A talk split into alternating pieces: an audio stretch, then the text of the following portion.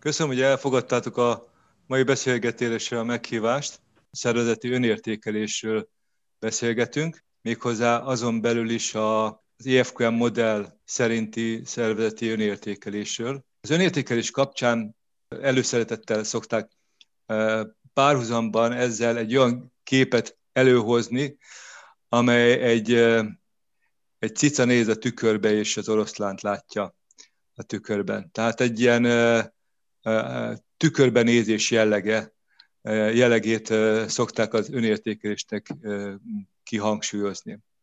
Ha már egy kicsit itt a bemelegítő részben vagyunk, akkor hagyd tegyem föl nektek azt a személyes kérdést, hogy ti a saját életetekben milyen szerepet szántok érte, milyen szerepe van a tükörnek. Mikor használjátok a tükröt, milyen célral használjátok a tükröt, és milyen jellegű tükröt szoktatok használni. A Katalinnak nincs szüksége semmiféle torzításra, gondolom. Én ilyen torzító tükröt szoktam használni. Gondolom, hogy ezért nem ilyen velencei tükrökkel vagy körülvéve, ami, vagy amit a régen az elvarázsolt kastélyban, sorodatban lehetett eh, látni, hogy az embernek a, a, az alakját, vagy a formáját eh, kicsit torzítva adja vissza. Eh, ahogy én téged ismerek, azért szeretsz tisztán látni, még hogyha tükörbe, tükörről is van szó hogy, hogy konkrétabb legyek, nem mondtam hülyeséget azért, mhm. mert a borotválkozáshoz használok egy szóval is nagyító tükröt, ami a legapróbb problémákat, hibákat is mutatja, és hát ezt találok bőven. És akkor azt uh-huh. persze legalábbis, ami a borotválkozásra megoldható, azt igyekszem kigyomlálni, és ez tényleg egy jó hasonlat, mert egy kicsit hasonlít az önértékelésre, és utána a következő munkálatokhoz. Uh-huh. Tehát akkor lehet azt mondani, hogy a, a borotválkozás kapcsán a tükör, akkor a, a tükörnek egy ilyen kontroll szerepe van, hogy uh, amit csináltál, azt, azt teljes mértékben, vagy teljesen uh, elvégezted minden felülete az arcodnak uh, kezelés alá került, illetve, hogy amit végeztél magaddal borotválkozás gyanánt, az, az tökéletesnek mondható-e? Hát igen, vagy az elején, amikor, amikor elkezdem, akkor ugye segít megtalálni azokat a szabad azt mondani, hogy fejlesztési lehetőségeket a borotválkozásba, amiket tényleg ki akarok gyomlani, és a végén aztán valóban ellenőrizni is lehet. Tehát akkor az mondható, hogy a borotválkozás jellegéből eredetően neked a tükörben nézésed, ez egy napi rutin. Az egy napi rutin. Kati? Hát nőként a tükör, mint egy eszköz, talán egy nagyon fontos létező, de ugye a tükör, az a tükröt tartunk másoknak, tükörben nézünk magunk, és megnézzük magunkat a tükörben. Ugye ez a milyennek látjuk magunkat, és milyennek látnak minket mások, és szerintem az önértékelésnél szintén a Endréhez kapcsolódóan egy másik fontos aspektus, hogy oké, okay, és ezt a képet ki hogyan látja, és ki hogyan értelmezi. Ki melyik részletét tudja belőle kiemelni, vagy szereti kiemelni, ki mit tart szépnek belőle, és ki mit tart belőle kevésbé elfogadhatónak, ki hol látja a képen azt, hogy javítani kellene, ki az, aki elfogadja a képet olyannak, amilyennek, én szeretem a naturképeket, hogyha ha önértékelésről beszélünk, mert, mert hogy nézzük meg a valóságot. De ugye, amiről az előbb beszéltem, hogy oké, okay, és mi a valóság, ez a ki mit minek lát, és ki mit hogyan lát, és az önértékelés pont az egyik eszköze annak, hogy, hogy közös platformra kerüljünk, hogy megértsük a másik gondolatait, és hogy ebből tudjunk valami, valami közöset és valami fejlődés irányút létrehozni. Hát azt gondolom, Kati, annyi, annyiféleképpen uh, körüljárta itt a tükörnek a funkcióját, illetve a tükör uh, használatból eledő tükörben nézésnek a, a szerepét, hogyha csak ezekről beszélnénk, akkor már több órát is el tudnánk társadalni ezzel kapcsolatban. Tehát ebből látható, hogy, hogy a tükörben nézés ez nem egy szimpla uh, tevékenység, ami, ami sok esetben csak egy ilyen reflexzerű dolog, valamit elvárunk attól, hogy, a, hogy az ember belenéz a tükörbe, és, és az, amit lát, az számára mennyire elfogadható, mennyire inspirál bármire is, illetve a, az, az én képét mennyiben tudja, mennyiben hagyja magát az ember, hogy az én képét formálja az a kép, ami visszaköszön, visszaköszön a, a, a tükörből. Van egy, egy, egy érdekes emlék, biztos nektek is előjön a, a gonosz királynő, aki belenéz a tükörbe, és, és, és ha, ha itt végig gondoljátok magatokba a, a, a szöveget, akkor ő már majd, hogy nem benchmarkol, mert azt mondja, hogy ki a legszebb a környéken, tehát ő, ő a, a, a, a kvázi az összehasonlítást is behozza, csak hát ugye van egy olyan fals képe, hogy ha már valaki szebb nála, akkor az már kicsit kihozza a sodrából. Tehát ez, ez, ez már megint egy ilyen újabb, bár feltételezhetően a mai tükrök, a hétköznapi tükrök, azok, ezek nem adnak ilyen összehasonlítási lehetőséget, de hogyha a tükröt már mint önértékelést tekintjük, akkor valóban a kitekintés, az összehasonlítás az egy kulcs szempont lehet, abból a szempontból, hogy ez a tükör, ez az önértékelés valóban reális képet tud mutatni a tükröt használó, vagy az önértékelést végző számára, és, az a, és ez a kép, ez mire tudja őt inspirálni. Ezt hozzátenném azt, hogy azért tükörbenézéshez rengeteg bátorság kell.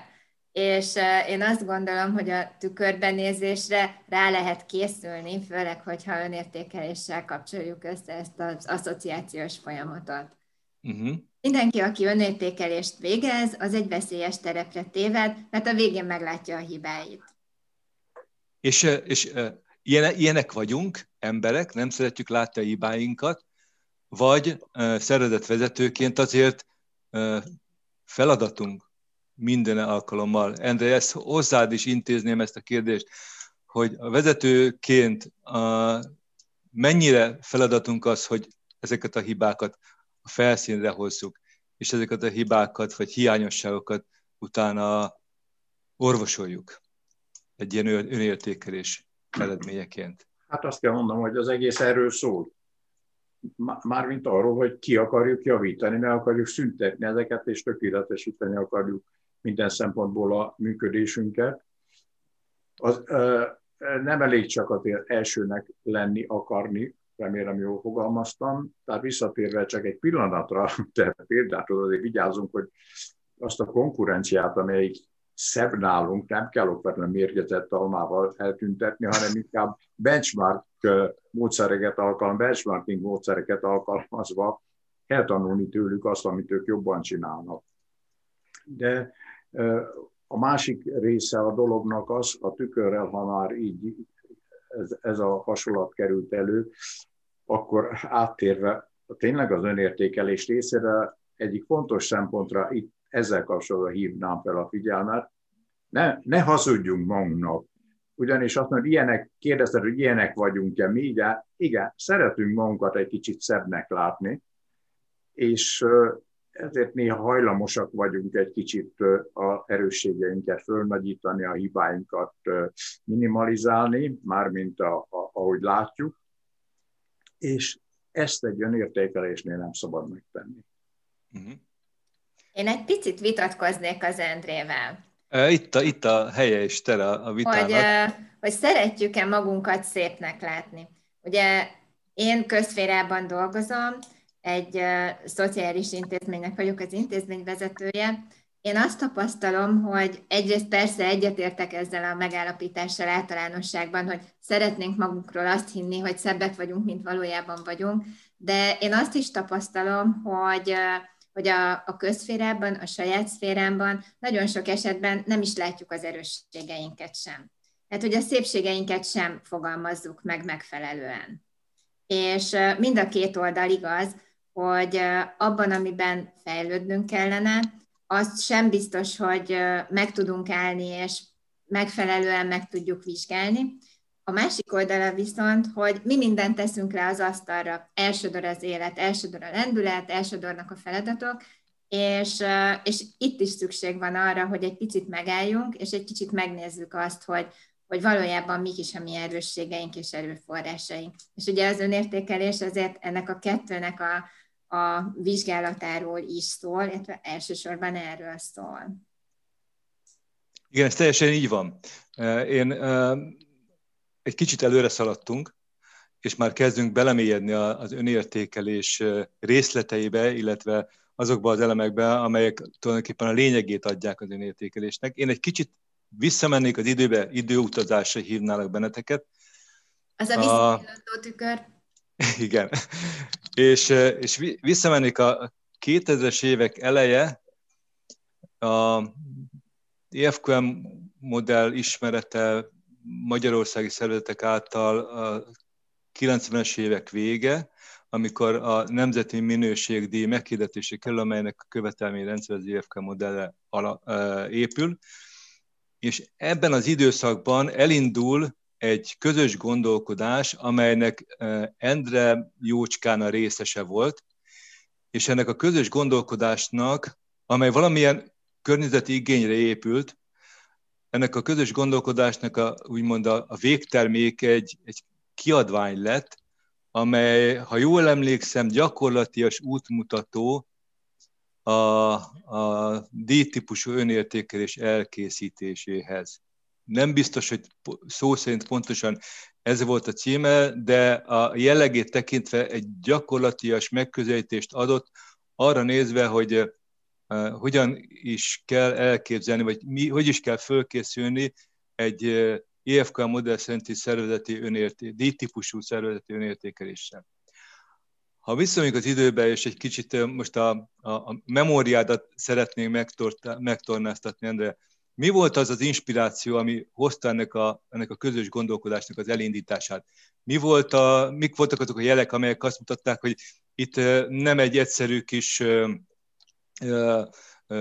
megbeszélésről, nem egy egyszerű kis mondjuk egy, egy, egy kiadványban egy cikkről, hanem egy nagyobb lélegzetű kiadvány megjelentetéséről kell gondolkodnunk, mert hogy a, a, úgymond a piacnak erre van igénye.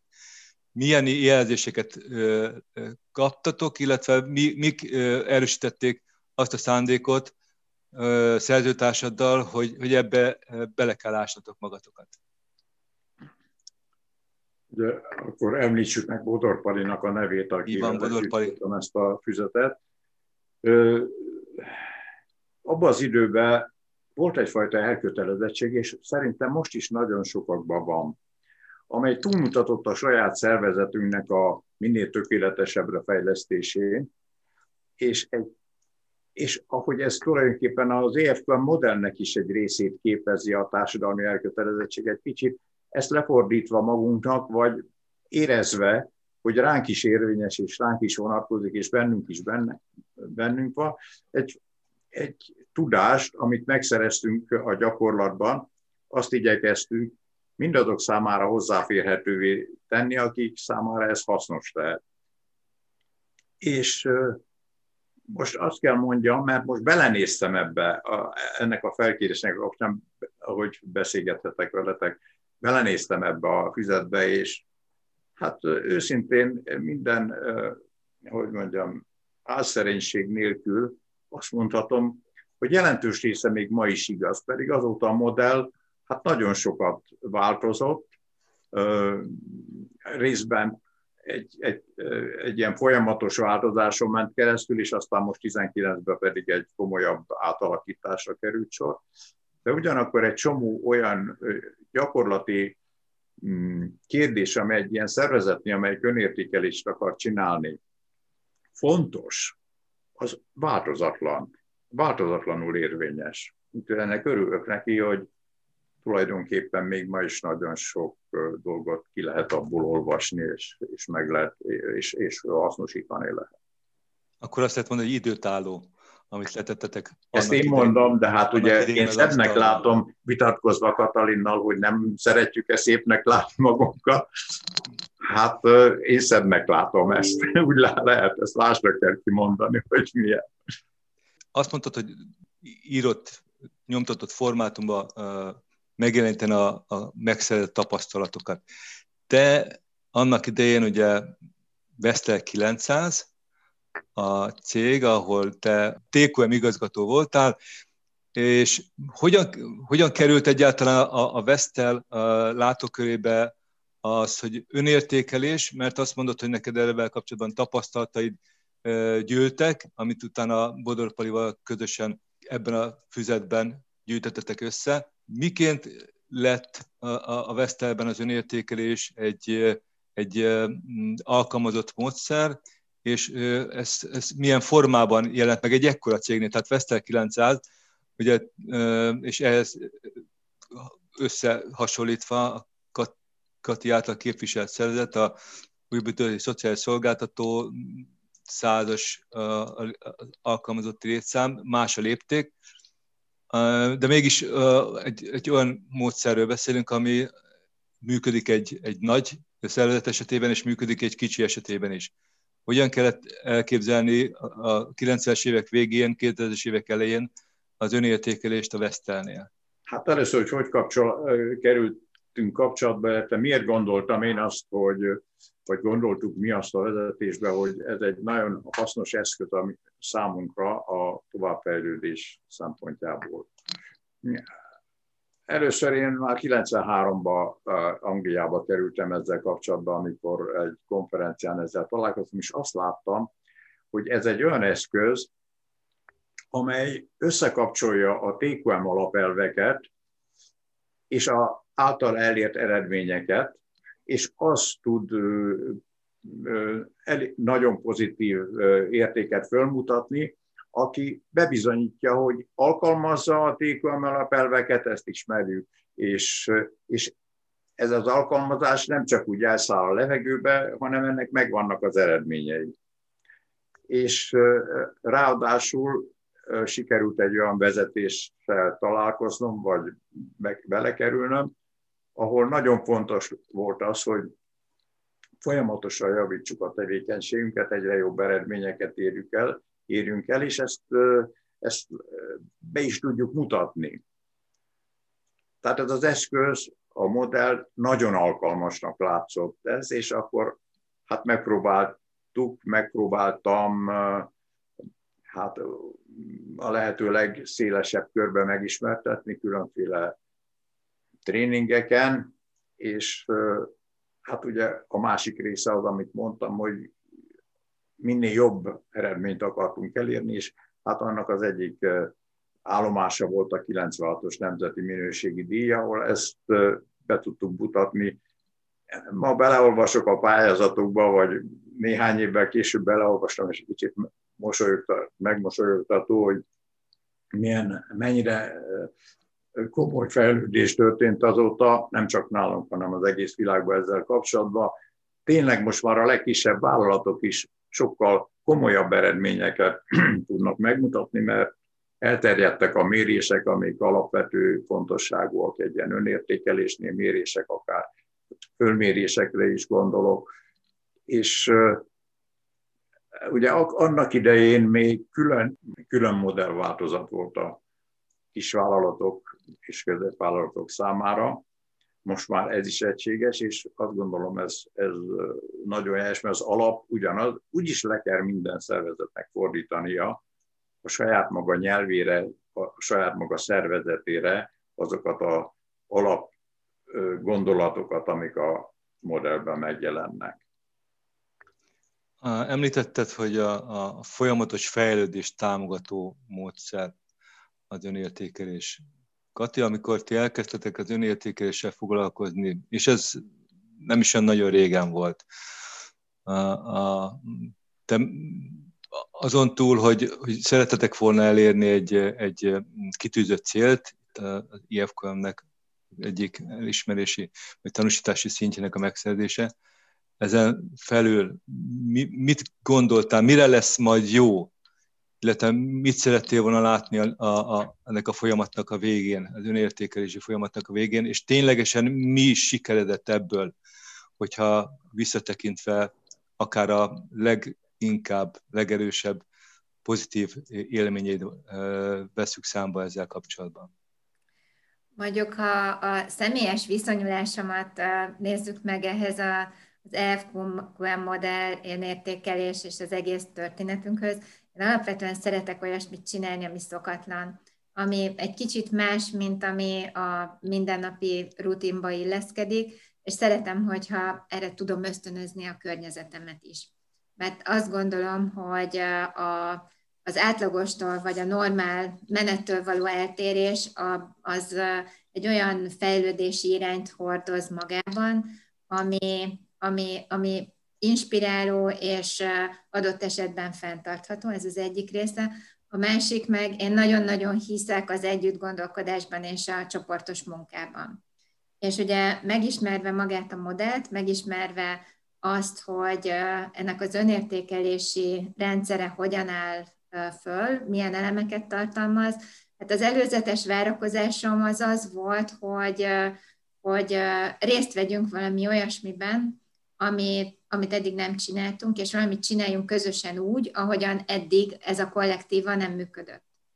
És ez egy újszerű és érdekes kihívás volt, ugyanis mi az önértékelési részt úgy csináltuk meg, hogy valóban viszonylag kis szervezet, már viszonylagosan, tehát egy 100 fő pluszos szervezetről beszélünk, hogy kis csoportokat alakítottunk ki, és a kollektívákat is összekevertük, hát plusz lehetőséget adva ezzel annak, hogy, hogy olyanok is közelebb kerüljenek egymáshoz, és közösen gondolkozzanak, akik még a munkaterületén sem biztos, hogy kapcsolódási felülettel rendelkeznek, vagy megfelelő felül egyáltalán igen, rendelkeznek.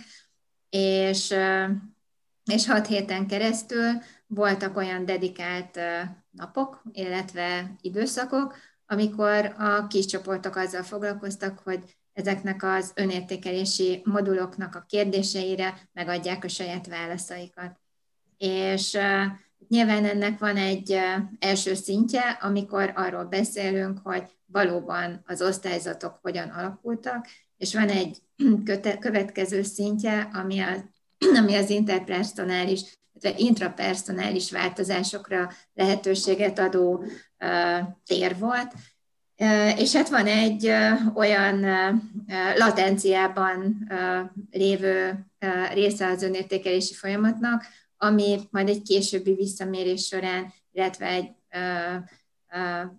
egyéb más felmérés során vagy felmérhető, vagy nem, de mindenképpen pozitívnak és hasznosnak tudom csak gondolni. Tehát ezek voltak az elsődleges elképzelések, hogy, hogy egyáltalán egy ilyen vállalkozásban mi az, ami, ami kisülhet. Ak- akkor, amikor, amikor belevágtunk, akár egy nagy cégnél, akár bármilyen szervezetnél,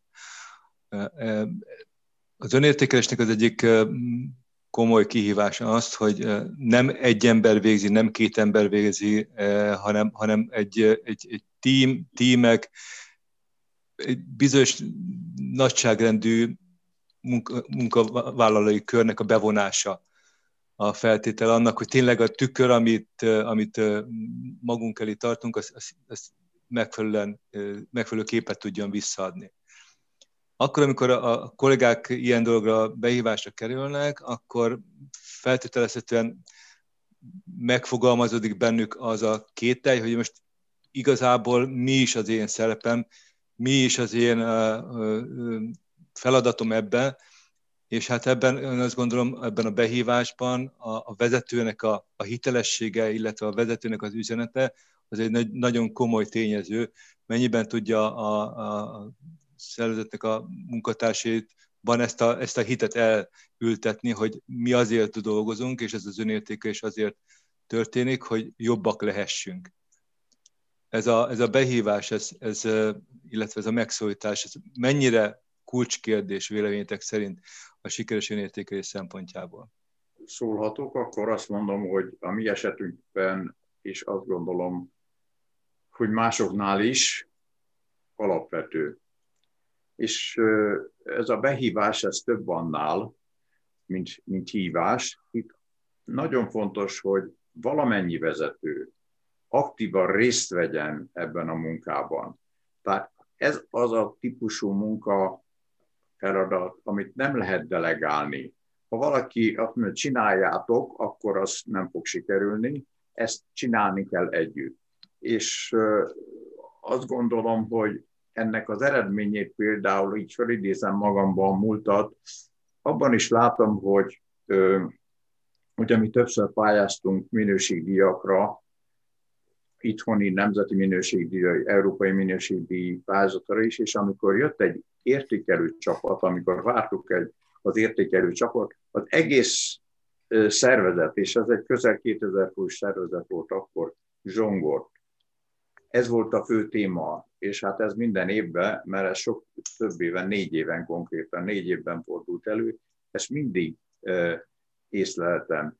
Tehát az, hogy a vezetőktől a mondom azt, hogy a portásokig, és itt most ezt nem képletesen mondom, hanem a valóságban, mindenki részt kellett, hogy vegyen ebben a önértékelési munkában. Egyrészt látta, konkrétan feladatokat kap, ott a, egy, egy valaki kisebbet, a másik nagyobbat, a kritériumfelelősök összefogó munkát vág, kellett, hogy végezzenek, a résztvevők azok megkapták a saját önálló feladatokat, amit meg kellett oldani, össze kellett ülni, és azra reflektálok most, amit a Katalin mondott, hogy a, a, a, csapat, a csapat érzését, a csapat munkát egyáltalán a csapat kialakítását azt nagyban segíti egy ilyen, mert olyanok dolgoztak együtt, akik amúgy egyébként a napi munkában, a napi rutinban, rutinban szinte sosem találkoztak. Endre említette, hogy, hogy a, a, még talán a portás is kapott feladatot a önértékelés kapcsán. Tehát ez, ez azt Nem mutatja, még hogy talán, hanem igen. Igen, igen. Tehát ez azt mutatja, hogy nagyon széles és nagyon nagy szintű bevonás az önértékelés egyik kulcs tényezője. Katja, ti esetetekben ezt a bevonást hogyan sikerült, ha jól emlékszem, akkor ti is nagyon-nagyon magas szintre tudtátok hozni, és ez, ez inkább a feladat, vagy a, a behívó üzenete volt ennek, ennek volt köszönhető, hogy, hogy ilyen magas szinten vettek részt a kollégák ebben a folyamatban? Igazából ugye nálunk az üzenet az az volt, hogy hiszen minden munkavállaló ennek a munkahelynek a részese, és köze van hozzá. És ha köze van hozzá, mert itt dolgozik, itt tölti az élete javarészét, nagyon sokan hosszú évtizedek óta, akkor abban, hogy ez a, ez a, ennek a munkahelynek a a felmérése valamilyen módon megtörténjen, abban ki kompetensebb, mint az, aki részt vesz benne, és aki ott van. Hát ez, ez szerintem egy nyilvánvalóság volt, amit meg tudtunk fogalmazni, hogy igen, mindenkire szükség van, ahhoz, hogy az önértékelést elvégezzük. Egyrészt, mert nélküle nem lehetséges, hiszen nála van a tudás, a tapasztalat, az ismeret, neki vannak élményei, emlékei, és ebből fogunk tudni dolgozni. Hiszen mindenki a saját szakterületének bizonyos aspektusából látja ugyanazt a nagy intézményt, ugyanazt a működést, ugyanazt a vezetést, a hátrányokat, előnyöket, fontossági sorrend mindenkinek lehet, hogy a saját szakmai aspektusában egy kicsit máshol vannak a hangsúlyok, és ezt össze kell tenni. Hát azt gondolom, hogy ez nagyon könnyen elfogadtatható volt, és, és azt gondolom, hogy egy vállalati kultúrában, egy demokratikus vállalati kultúrában van helye annak, hogy véleményt lehet nyilvánítani. Nyilván kultúráltan, de a vélemény nyilvánítás egyik eszköze az önértékelés. De ennek azért van egy másik aspektusa is, ami szerintem nagyon-nagyon fontos, és fontos, hogy beszéljünk arról, hogy én, mint munkavállaló, nagyon gyakran mondhatom azt, hogy hát ez a munkahely vacak, hát itt a vezetés aztán pont semmit nem tesz. Mint egy kívülálló kritizálom a történéseket és a folyamatokat, és, és berzenkedem, hogy de itt nem történik semmi, és itt annyira rosszul történnek a dolgok adott esetben. Oké, okay, de ugye itt meg lehet fordítani a, a kérdést, és pozícióba lehet helyezni a munkavállalóinkat azzal, hogy rendben, de akkor nézzük meg, hogy a te személyes felelősséged ezekben a folyamatokban hol tud lenni, egy, kettő, te mivel tudsz hozzájárulni ahhoz, hogy ezek a folyamatok jobban működjenek, illetve ugye az eredeti kérdés, hogy te hogyan látod azt, hogy nekem mivel kellene még az én pozíciómban hozzájárulnom ahhoz, hogy ezek a folyamatok jobban menjenek, illetve milyen erőforrásaink vannak, milyen erőforrásokra lenne még szükségünk. És akkor kigömbölyödik a kép, és mindenki megtalálhatja azt, hogy mi az, amit ő bele tud tenni, és ezáltal mi az, amit ő ki fog tudni venni belőle. Említetted, Kati, ezt a kultúrához való viszonyt, hogy de, úgy fogalmazta, hogy demokratikus szervezeti kultúrában jól tud működni az önértékelés. Meg tudnátok fogalmazni azt, hogy mi, milyen környezetben nem lesz működőképes dolog az önértékelés, illetve esetlegesen milyen vezetői viselkedés az, ami az önértékelést úgy, úgy teljesen lehetetlenné teszi. Vagy akár egy, egy, egy fals folyamat alakítja. Szerencsére itt most nem tudok olyan saját példát mondani, amelyik, amelyik nehezítette volna ott ennek az önértékelésnek a, a sorozatát az évek során. De, de láttunk buktatókat, és az egyik ilyen az, hogy a delegálás. Tehát semmelyik szinten se lehet a feladat delegálni, hogy csináljátok meg. Ezt az előbb említettem, de ezt most itt ki kell hangsúlyoznom, hogy ha azt mondja, hogy csináljátok meg, azt nem fog sikerülni. Aztán a másik az, hogy ugyanez ehhez egy kicsit kapcsolódik, mennyi pénzt, mennyi időt kaptok rá. Tehát, hogyha csak úgy az, és a munka mellett úgy csináljátok meg, az megint csak nem megy, megfelelő erőforrást meghatározható az erőforrás, mennyi időt kell rá fordítani, mit kell megtanítani, vagy milyen tréningeken kell részt venni, és kiknek ahhoz, hogy ezt szakszerűen lehessen lebonyolítani, és hogyha ezek az erőforrások nem állnak rendelkezésre, a vezetők nem biztosítják, akkor megint csak nem fog menni. A másikat is említettem már, ezt ma ne csapjuk be magunkat. Ugye a, a modell ezt a szót talán nem használja, de az értékelők biztosan az, hogy egy pályázatban például azt mondjuk, hogy anekdotikusan van leírva. Tehát hát valamit leírunk, hogy mi aztán a legjobbak vagyunk, hát nem pontosan így, de azt igen, hogy, hogy fokozottan törődünk azzal, hogy a dolgozóink elégedettek legyenek. És hogyha ez szerepel mondjuk egy pályázatban vagy egy önértékelésben, ezt pozitívként értékeljük, akkor becsapjuk magunkat. Ez kevés. Ennek erre bizonyíték kell. Ha nem gyűjtünk bizony, bizonyítékokat, ha nincsenek adataink, ha nincsenek méréseink, az valaki azt mondta, ismerőseim közül nem tudom már ki, hogy hát hogyha ha nem mérünk, akkor az csak gyakorlás.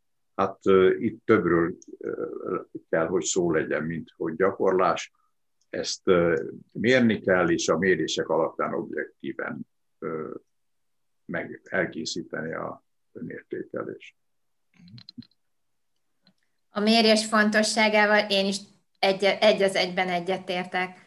Tehát, hogyha ha látjuk, hogy, hogy hol tartunk, és utána visszamérünk, és látjuk az elmozdulást, vagy az el nem mozdulást, szerintem az egyik legfontosabb dolog, mert a, a szubjektivitás, a, az érzéseim, azok persze jók, hogy vannak, segítenek a napi viszonyulásaimban, de, de a számok se, se hazudnak. Ezt most mondtam, mint szociológus. Az önértékelésnek az egyik tapasztalati ténye az, hogy van egy, egy, egy lelkes fázis, tehát amikor sikerül elhitetni a kollégákkal, hogy ez fontos, van, van egy, egy jól definiált folyamat, van egy cél, és akkor ilyenkor mindenki nagyon lelkes és pörög, és ugye az önértékelésnek van egy olyan bevett vagy jól ismert aspektusa, hogy ezt, ennek mindig követni kell egy következő önértékelésnek, mert hogy akkor lesz az önértékelés igazából egy folyamatos fejlődés támogató folyamat, hogyha ez évről évre, vagy valami időszakonként megismétlődik, és, a, és az önértékelés így egy, egy folyamatos fejlődési folyamatot képes, képes támogatni. Viszont, viszont az látható, hogy, és ez különböző kultúrától függetlenül megjelenő tapasztalat, hogy ha ez a bizonyos utánkövetés, vagy a folytatás, vagy az önértékelésből kijövő tapasztalatoknak a feldolgozás és ebből elindított fejlesztések nem részei a folyamatnak, akkor nagyon gyorsan elvesztik a kollégák a hitüket. Ha, ha mm, egy ilyen támogató vezetői háttér nincs jelen, akkor, akkor ez, a, ez a dolog nagyon gyorsan eliminálódik, és az önértékelés, mint, mint eszköz kikerül a, a szervezeti tárházból. Hogy látjátok, ha, a, a, a, Endre, te említetted, hogy ez, ez hosszú-hosszú éveken, azt hiszem négy vagy öt évet említettél. Hogyan sikerült ezt a, ezt a pörgést fenntartani, vagy tapasztaltatok-e ilyen hullámvölgyet, amin át kellett lendíteni a kollégát? Mi az önértékelésre egy, azt mondom, hogy szakmailag pályázatszerű önértékelésnek hívott módszert alkalmaztunk, ami azt jelenti, hogy ugye mindenki talán, aki a szakmában akkor már járatos volt, emlékszik rá, 96-ban volt egy nemzeti minőségdíj, az első pályázat, ami nagyon gyorsan kellett megcsinálni, az az önértékelés, ami azt megelőzte, az, hát az bizonyos hiányosságokkal folyt le minden cégnél, a győzteseknél is. Utána ezt folytatni kellett, és hát itt célokat tűztünk ki, mi az európai minőségi pályázatra helyeztük e, előtérbe, hogy azon akarunk majd indulni. Nem lehetett még szerencsére azt mondom, mert voltak időbeli korlátai a pályázat beadási lehetőségének. Tehát meg kellett csinálni saját magunknak ettől függetlenül, de ez a cél, hogy majd ezt megmérettetjük magunkat szélesebb körbe és Európába is, az azért segített. Átsegített bennünket ezen a két éven, amikor, amikor csak önékeltünk, és a, nem készítettünk ehhez egy pályázatot.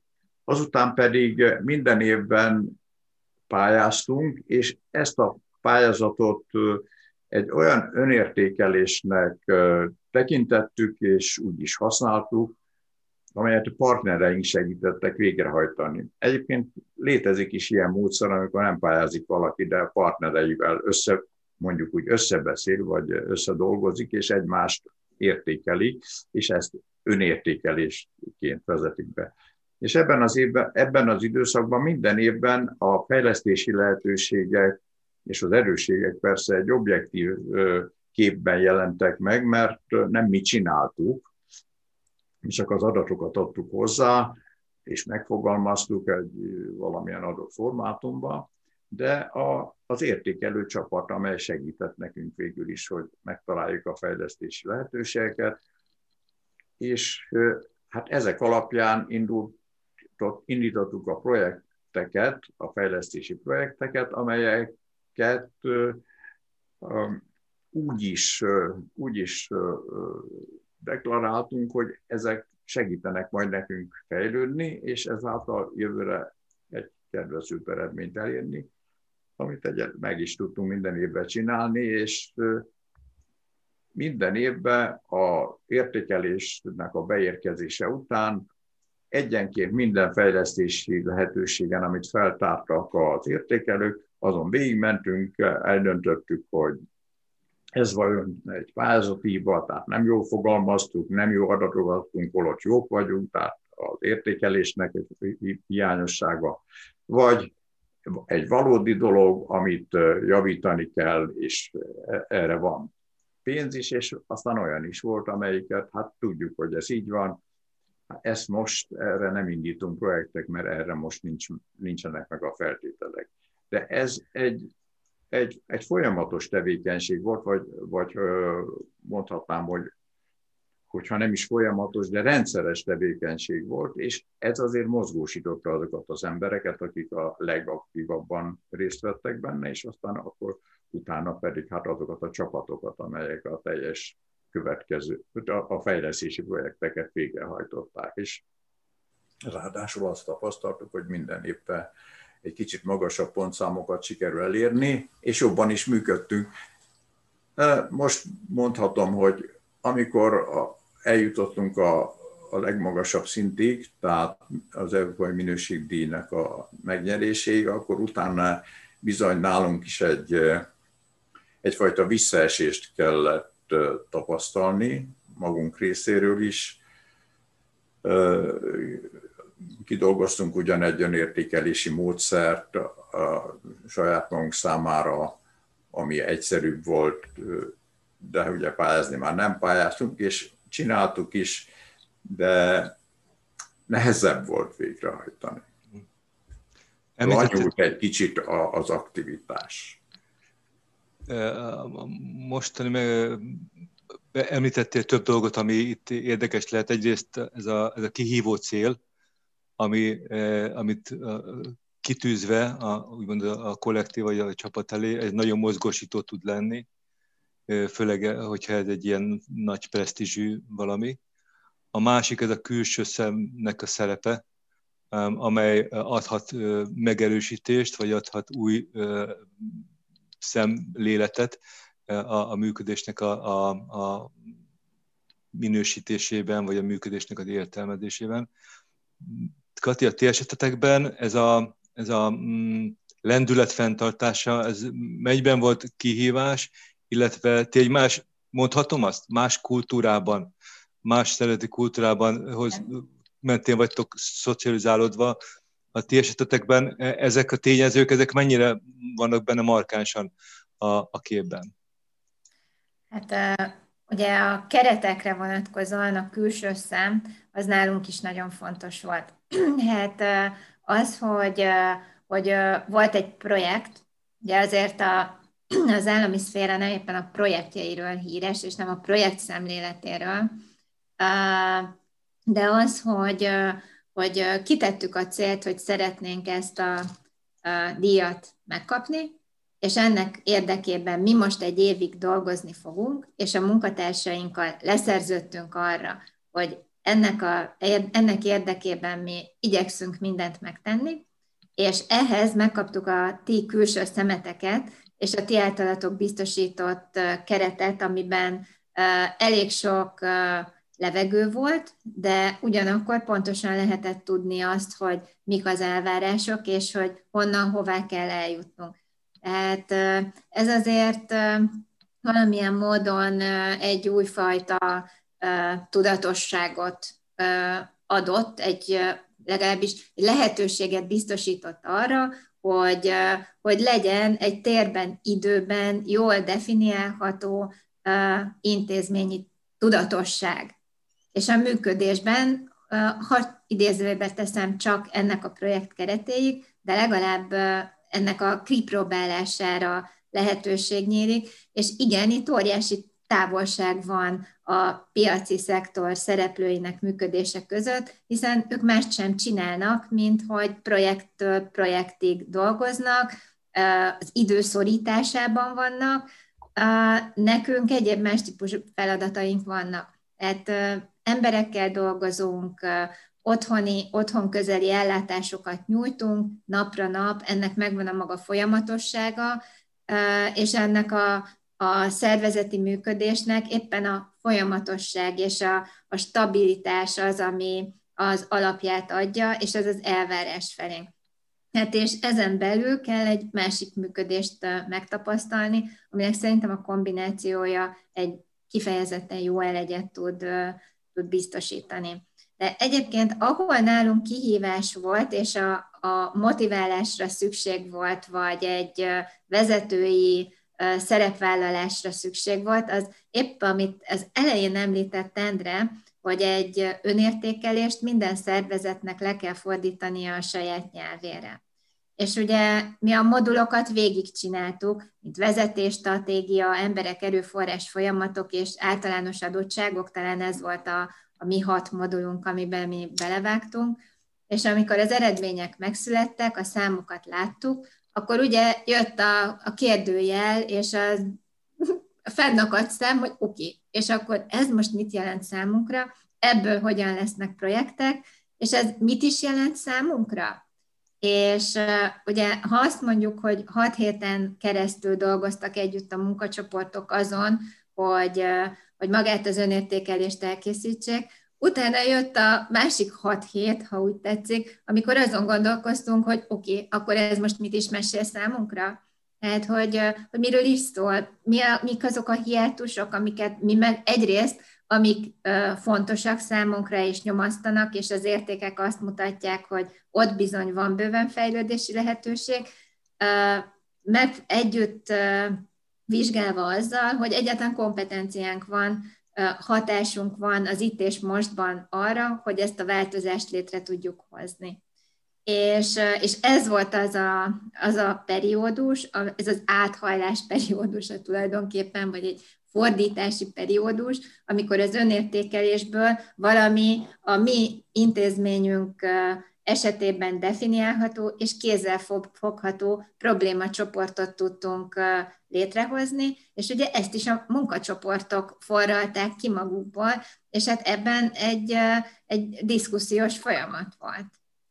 Akkor az mondható, hogy a közös nyelv megteremtése, igen, ami egy, egy komoly kihívás, főleg, hogyha ez a mm, modell, ez nem abban a, nyelvezetben készül, és ezt tudjuk jó, hogy az IFK modell és a szociális szektor nyelvezet az nem mindig találkozik egymással, de, de vélhetőleg akkor számos olyan aha élmény volt, amely azt, azt mutatta, hogy igen, ezek, ezek a dolgok jól értelmezhetőek, lefordíthatóak, és, és, a, és a, mm, azokkal való gondolkodás az nem egy teljesen, teljesen idegen a, még egy szociális szervezet számára sem, mint, mint uh, tegyük fel a Vesztel esetében vélhetőleg kevesebb dolgot kellett lefordítani, mert egy, egy, egy ilyen szervezet, egy, egy professzionális, multinak tekinthető szervezet esetében ezek a fogalmak, még a korábbi modell esetében is számos olyan fogalmat tartalmaztak, amelyek nem voltak idegenek. Lehet, hogy a kontextus már, a, tehát a Vestel 900, mint kontextusba helyezve a fogalmakat, már azért voltak feltételezhetően elgondolkodásra okot adó megfogalmazások vagy, vagy, vagy kifejezések, de bizonyára ti esetetekben is ez volt az egyik fontos, hogy ha beszélünk valamiről, akkor mindenki ugyanazt gondolja, ugyanarra gondoljon, amikor az önértékelés esetében ezeket a dolgokat kell a helyükre tenni a céggel kapcsolatban. Így van, ahogy mondod. Igaz, ugye van egy ilyen, akkor minőségnek hívtuk minőségügyi nyelv használat, akár csak azt mondom, hogy TQM, ez akkor egy ismeretlen fogalom volt, vagy próbálták lefordítani, hogy mi az átfogó minőségirányítás, ezeket nem tudtuk, és hát most csak egy, a fő szavakat említettem, de hogyha elolvassuk a régi modelleket, abból látjuk, hogy azért vannak benne speciális, nem annyira hétköznapi nyelven használatos vagy azonos értelmű szavak. Ez eltűnt, ez a gyakorlatban kiderült, hogy ezek átidalható problémák, mert második, harmadik összejövetelen, amikor a csapatok összejöttek, akkor kiderült, hogy már csak egy-kettő maradt, amit föl kellett tenni kérdésnek, hogy ezt hogy értelmezzük. Az előbb mondtam ezt a szót, hogy anekdotikus. Ugye ez a hétköznapi nyelvnek az anekdotáihoz nem pontosan hasonlít, ugyan, ugyan arról van szó, de végül semmiféle humor nincsen benne, míg a anekdótában igenis van. Tehát vannak olyan, olyan kifejezések, amiket át kellett egy kicsit értelmeznünk, és meg kellett tanulnunk, de ez nem okozott nehézséget. A, ha az ember beírja Google-be azt, hogy szervezeti önértékelés, akkor, akkor valahogy azt tapasztalja, hogy ez, ez közel sem azt a dömpinget, elmítés dömpinget hozza, mint ha csak szimplán azt írom be egy önértékelés, mert az önértékelés az általában egy egyéni önértékelés témakörét hozza föl. Tehát feltételezem azt, hogy a szervezeti önértékelés, mint fogalom, az nem egy széles körben ismert és alkalmazott gyakorlat. véleményetek szerint az önértékeléshez hasonló, vagy önértékelés tartalmú, jellegű gyakorlata jelen, jelenleg vagy mostanában szervezetek esetében hogyan valósul meg? Milyen olyan belső kontroll folyamatok vannak a szervezetek esetében, amelyek kvázi önértékelésként felfoghatók, de ezek mitől kevesebb, vagy mitől inkább más, mint a, az IFK modell szerinti szervezet önértékelés? Az, hogy milyen önértékelések vannak, szerintem, mint égen a csillag. Uh-huh. Én találkoztam saját gyártásúakkal, jobbakkal, meg gyengébbekkel. Én az EFQM önértékelésében azt szeretem, vagy nekem azt tetszik, hogy ez valahol egy bevált, egy sokak által használt mérőeszköz, amiben azt lehet mondani, hogy ha, ha akarom, akkor akár össze is hasonlíthatom a saját eredményeimet, illetve a válaszprofilomat mások válaszprofiljával. És ugye itt azért a, a mennyiség nagyon-nagyon sokat számít, hogy hányan végezték el ezt a, fajta önértékelést, és ezen belül hová tudom magam helyezni. Nem tudom, hogy készült-e ilyen összesítés, vagy vannak-e, er, van erre lehetőség, de én azt gondolom, hogy, hogy ez azért egy, egy fontos eleme annak, hogy ha nem is standardizálunk egy, egy önértékelési folyamatot, de, de azért a, a, a nagy számok és a, a hosszú időtáv alatt felgyűjt tapasztalat egy értékelési rendszer megbízhatósága tekintetében egy fontos szempont. És én azt gondolom, hogy az EFQM önértékelési rendszere egy sokak által kipróbált, viszonylag hosszú ideje használt eszköz, tehát el tudom fogadni valid eszközként. Úgyhogy hogy ezzel kapcsolatosan én, én ezt gondolnám, viszont egy nagyon szomorú tapasztalatot szeretnék megosztani. Ugye a szociális ágazatban dolgozók számára lehetőség van a szociális minőségmenedzser képzésen való részvételre, nyilván Kálmán ezzel te pontosan tisztában vagy, jól ismered, hiszen részesei voltatok a képzés kidolgozásának. Nekem is lehetőségem volt egy kicsit bepillantást nyerni ebbe a, a képzésbe, és ugye mi, mint gyakorló hely vettünk részt, és nagyon-nagyon sok lelkes kollégával találkoztam, akik tényleg elkötelezettek, nem csak az EFQM, de bármely más minőséghez kapcsolódó rendszer kapcsán is, hiszen nincs olyan, hogy jobb, meg legjobb, minden eszköz jó valamire, másra lehet, hogy egy kicsit máshol vannak a hangsúlyai, viszont amiről ők beszámoltak, az a szakdolgozataikkal kapcsolatosan például, és ez a hol tartunk az önértékelésben. Tehát amikor egy szociális intézményről egy szakdolgozó elkészíti a, a dolgozatát, és a, a munkáltatója határozott kérése, hogy titkosítassa a dolgozatot, akkor azt hiszem, hogy nagyon rossz, rossz helyen és rosszkor vagyunk valamiben, ami, ami hát nem biztos, hogy jó irányba vezet.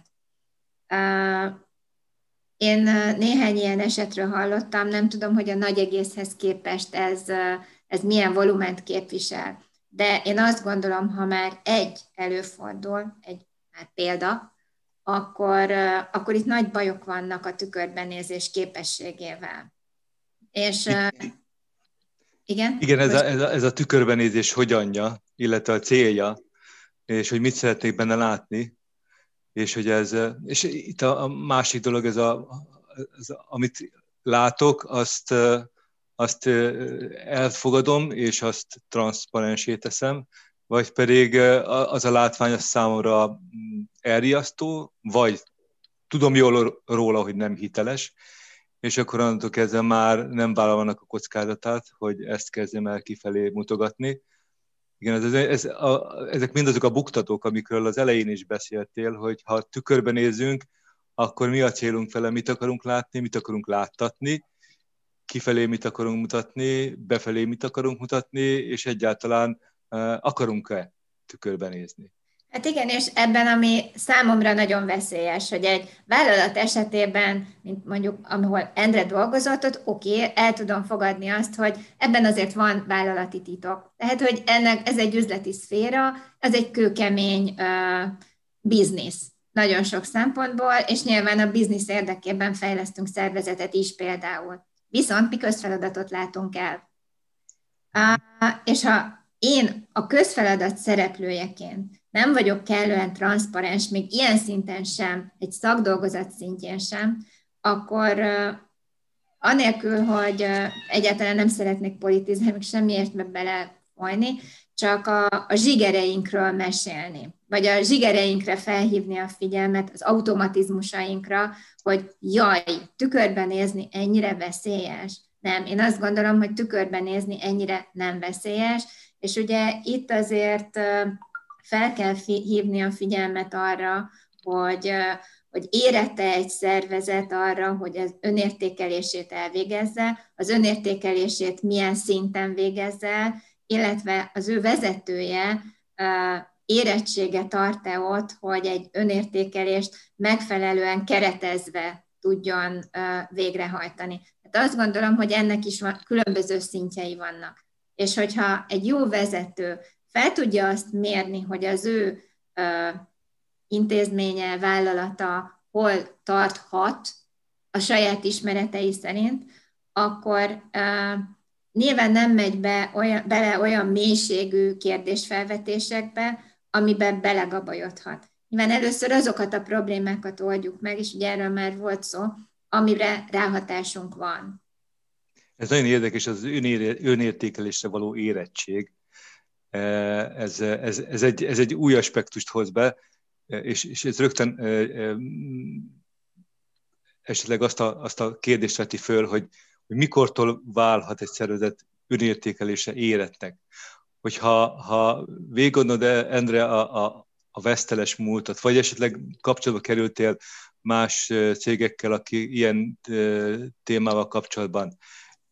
Benned is megfogalmazódott az, hogy mitől válik, vagy mitől aktuális, vagy mitől lehet a, a, egy szervezet arra alkalmas, hogy egy ilyen jellegű tükörbenézést elvégezzen, akár egyszer, akár többször? Azért nehéz a kérdés, mert mi szinte az első pillanattól kezdve azt a légkört éreztük magunk körül, és teremtettük is meg, amelyik, amikor becsöppent ez a fogalom, hogy, hogy önértékelés, értékelés, akkor teljesen nyitottak és fogadókészek voltunk. Persze nem ugyanúgy ment az első alkalommal, mint az ötödikkel. Problémát jelentett az valóban, hogy mennyire akarjuk szépnek látni magunkat, és hogy itt most nem az a cél, hogy, hogy, hogy megmutassuk, hogy milyen szépek vagyunk. És most itt hat kanyarodjak rá egy, egy másik kérdésre. Azt fogalmaztam meg magamban, amikor erről a beszélgetésről gondolkoztam, hogy vajon ha egy szóba kéne összefoglalni, hogy mire, mire, mi a legjobb ebben az önértékelésben, mi a legfontosabb, mit érezek, úgyhogy a leghasznosabb volt, akkor azt mondom, hogy a fejlesztési lehetőségek feltárása. Tehát az, hogy tudjuk, hogy min lehet, érdemes és kell változtatni, és azok között válogassuk ki azokat, amelyeket meg tudunk és meg akarunk csinálni.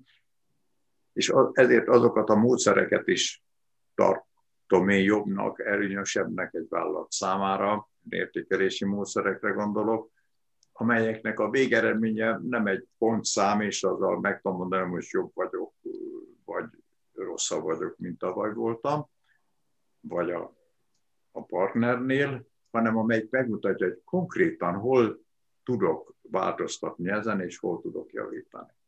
Tehát eh, én azt gondolom, hogy nem tudjuk azt meghatározni, hogy mely cég, ahol a vezetésben megvan az a tudás a saját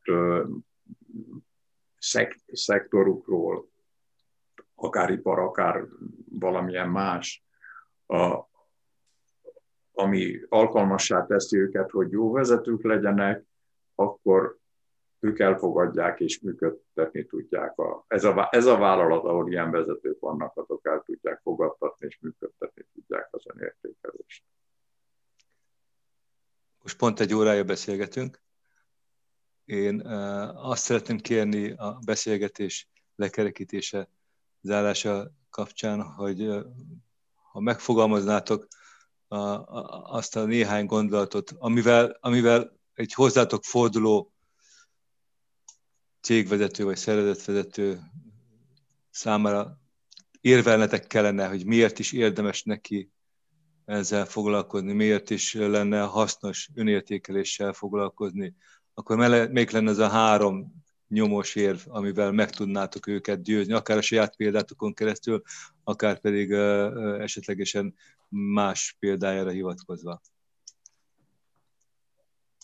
Én azzal érvelnék elsőként, hogy minden vezetőnek és minden munkavállalónak vannak érzései, de ezek nem tények. Hogyha valaki tényeket szeretne látni, akkor készítse el a saját vállalati vagy intézményi önértékelését. Hogyha tükörre gondolok, akkor mindenki jobban szeret tiszta tükörbe nézni szerintem, mint, mint homályos tükörbe. Úgyhogy végezzen önértékelést, és válaszol ehhez megfelelő mérőeszközt. Köszönöm szépen, Endre. Én azt gondolom, hogy az, azon túl, amit mondtam, hogy föltárható az, hogy mit érdemes csinálni, a, a, a,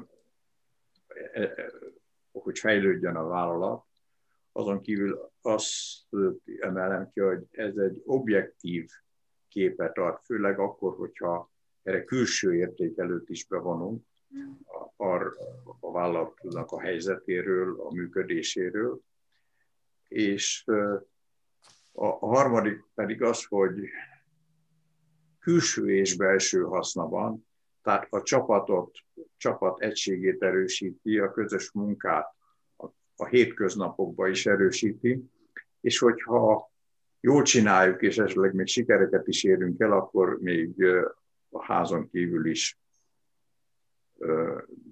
PR értéket tudunk teremteni, azaz jobban látja a társadalom is, hogy hogy, hogy dolgozunk.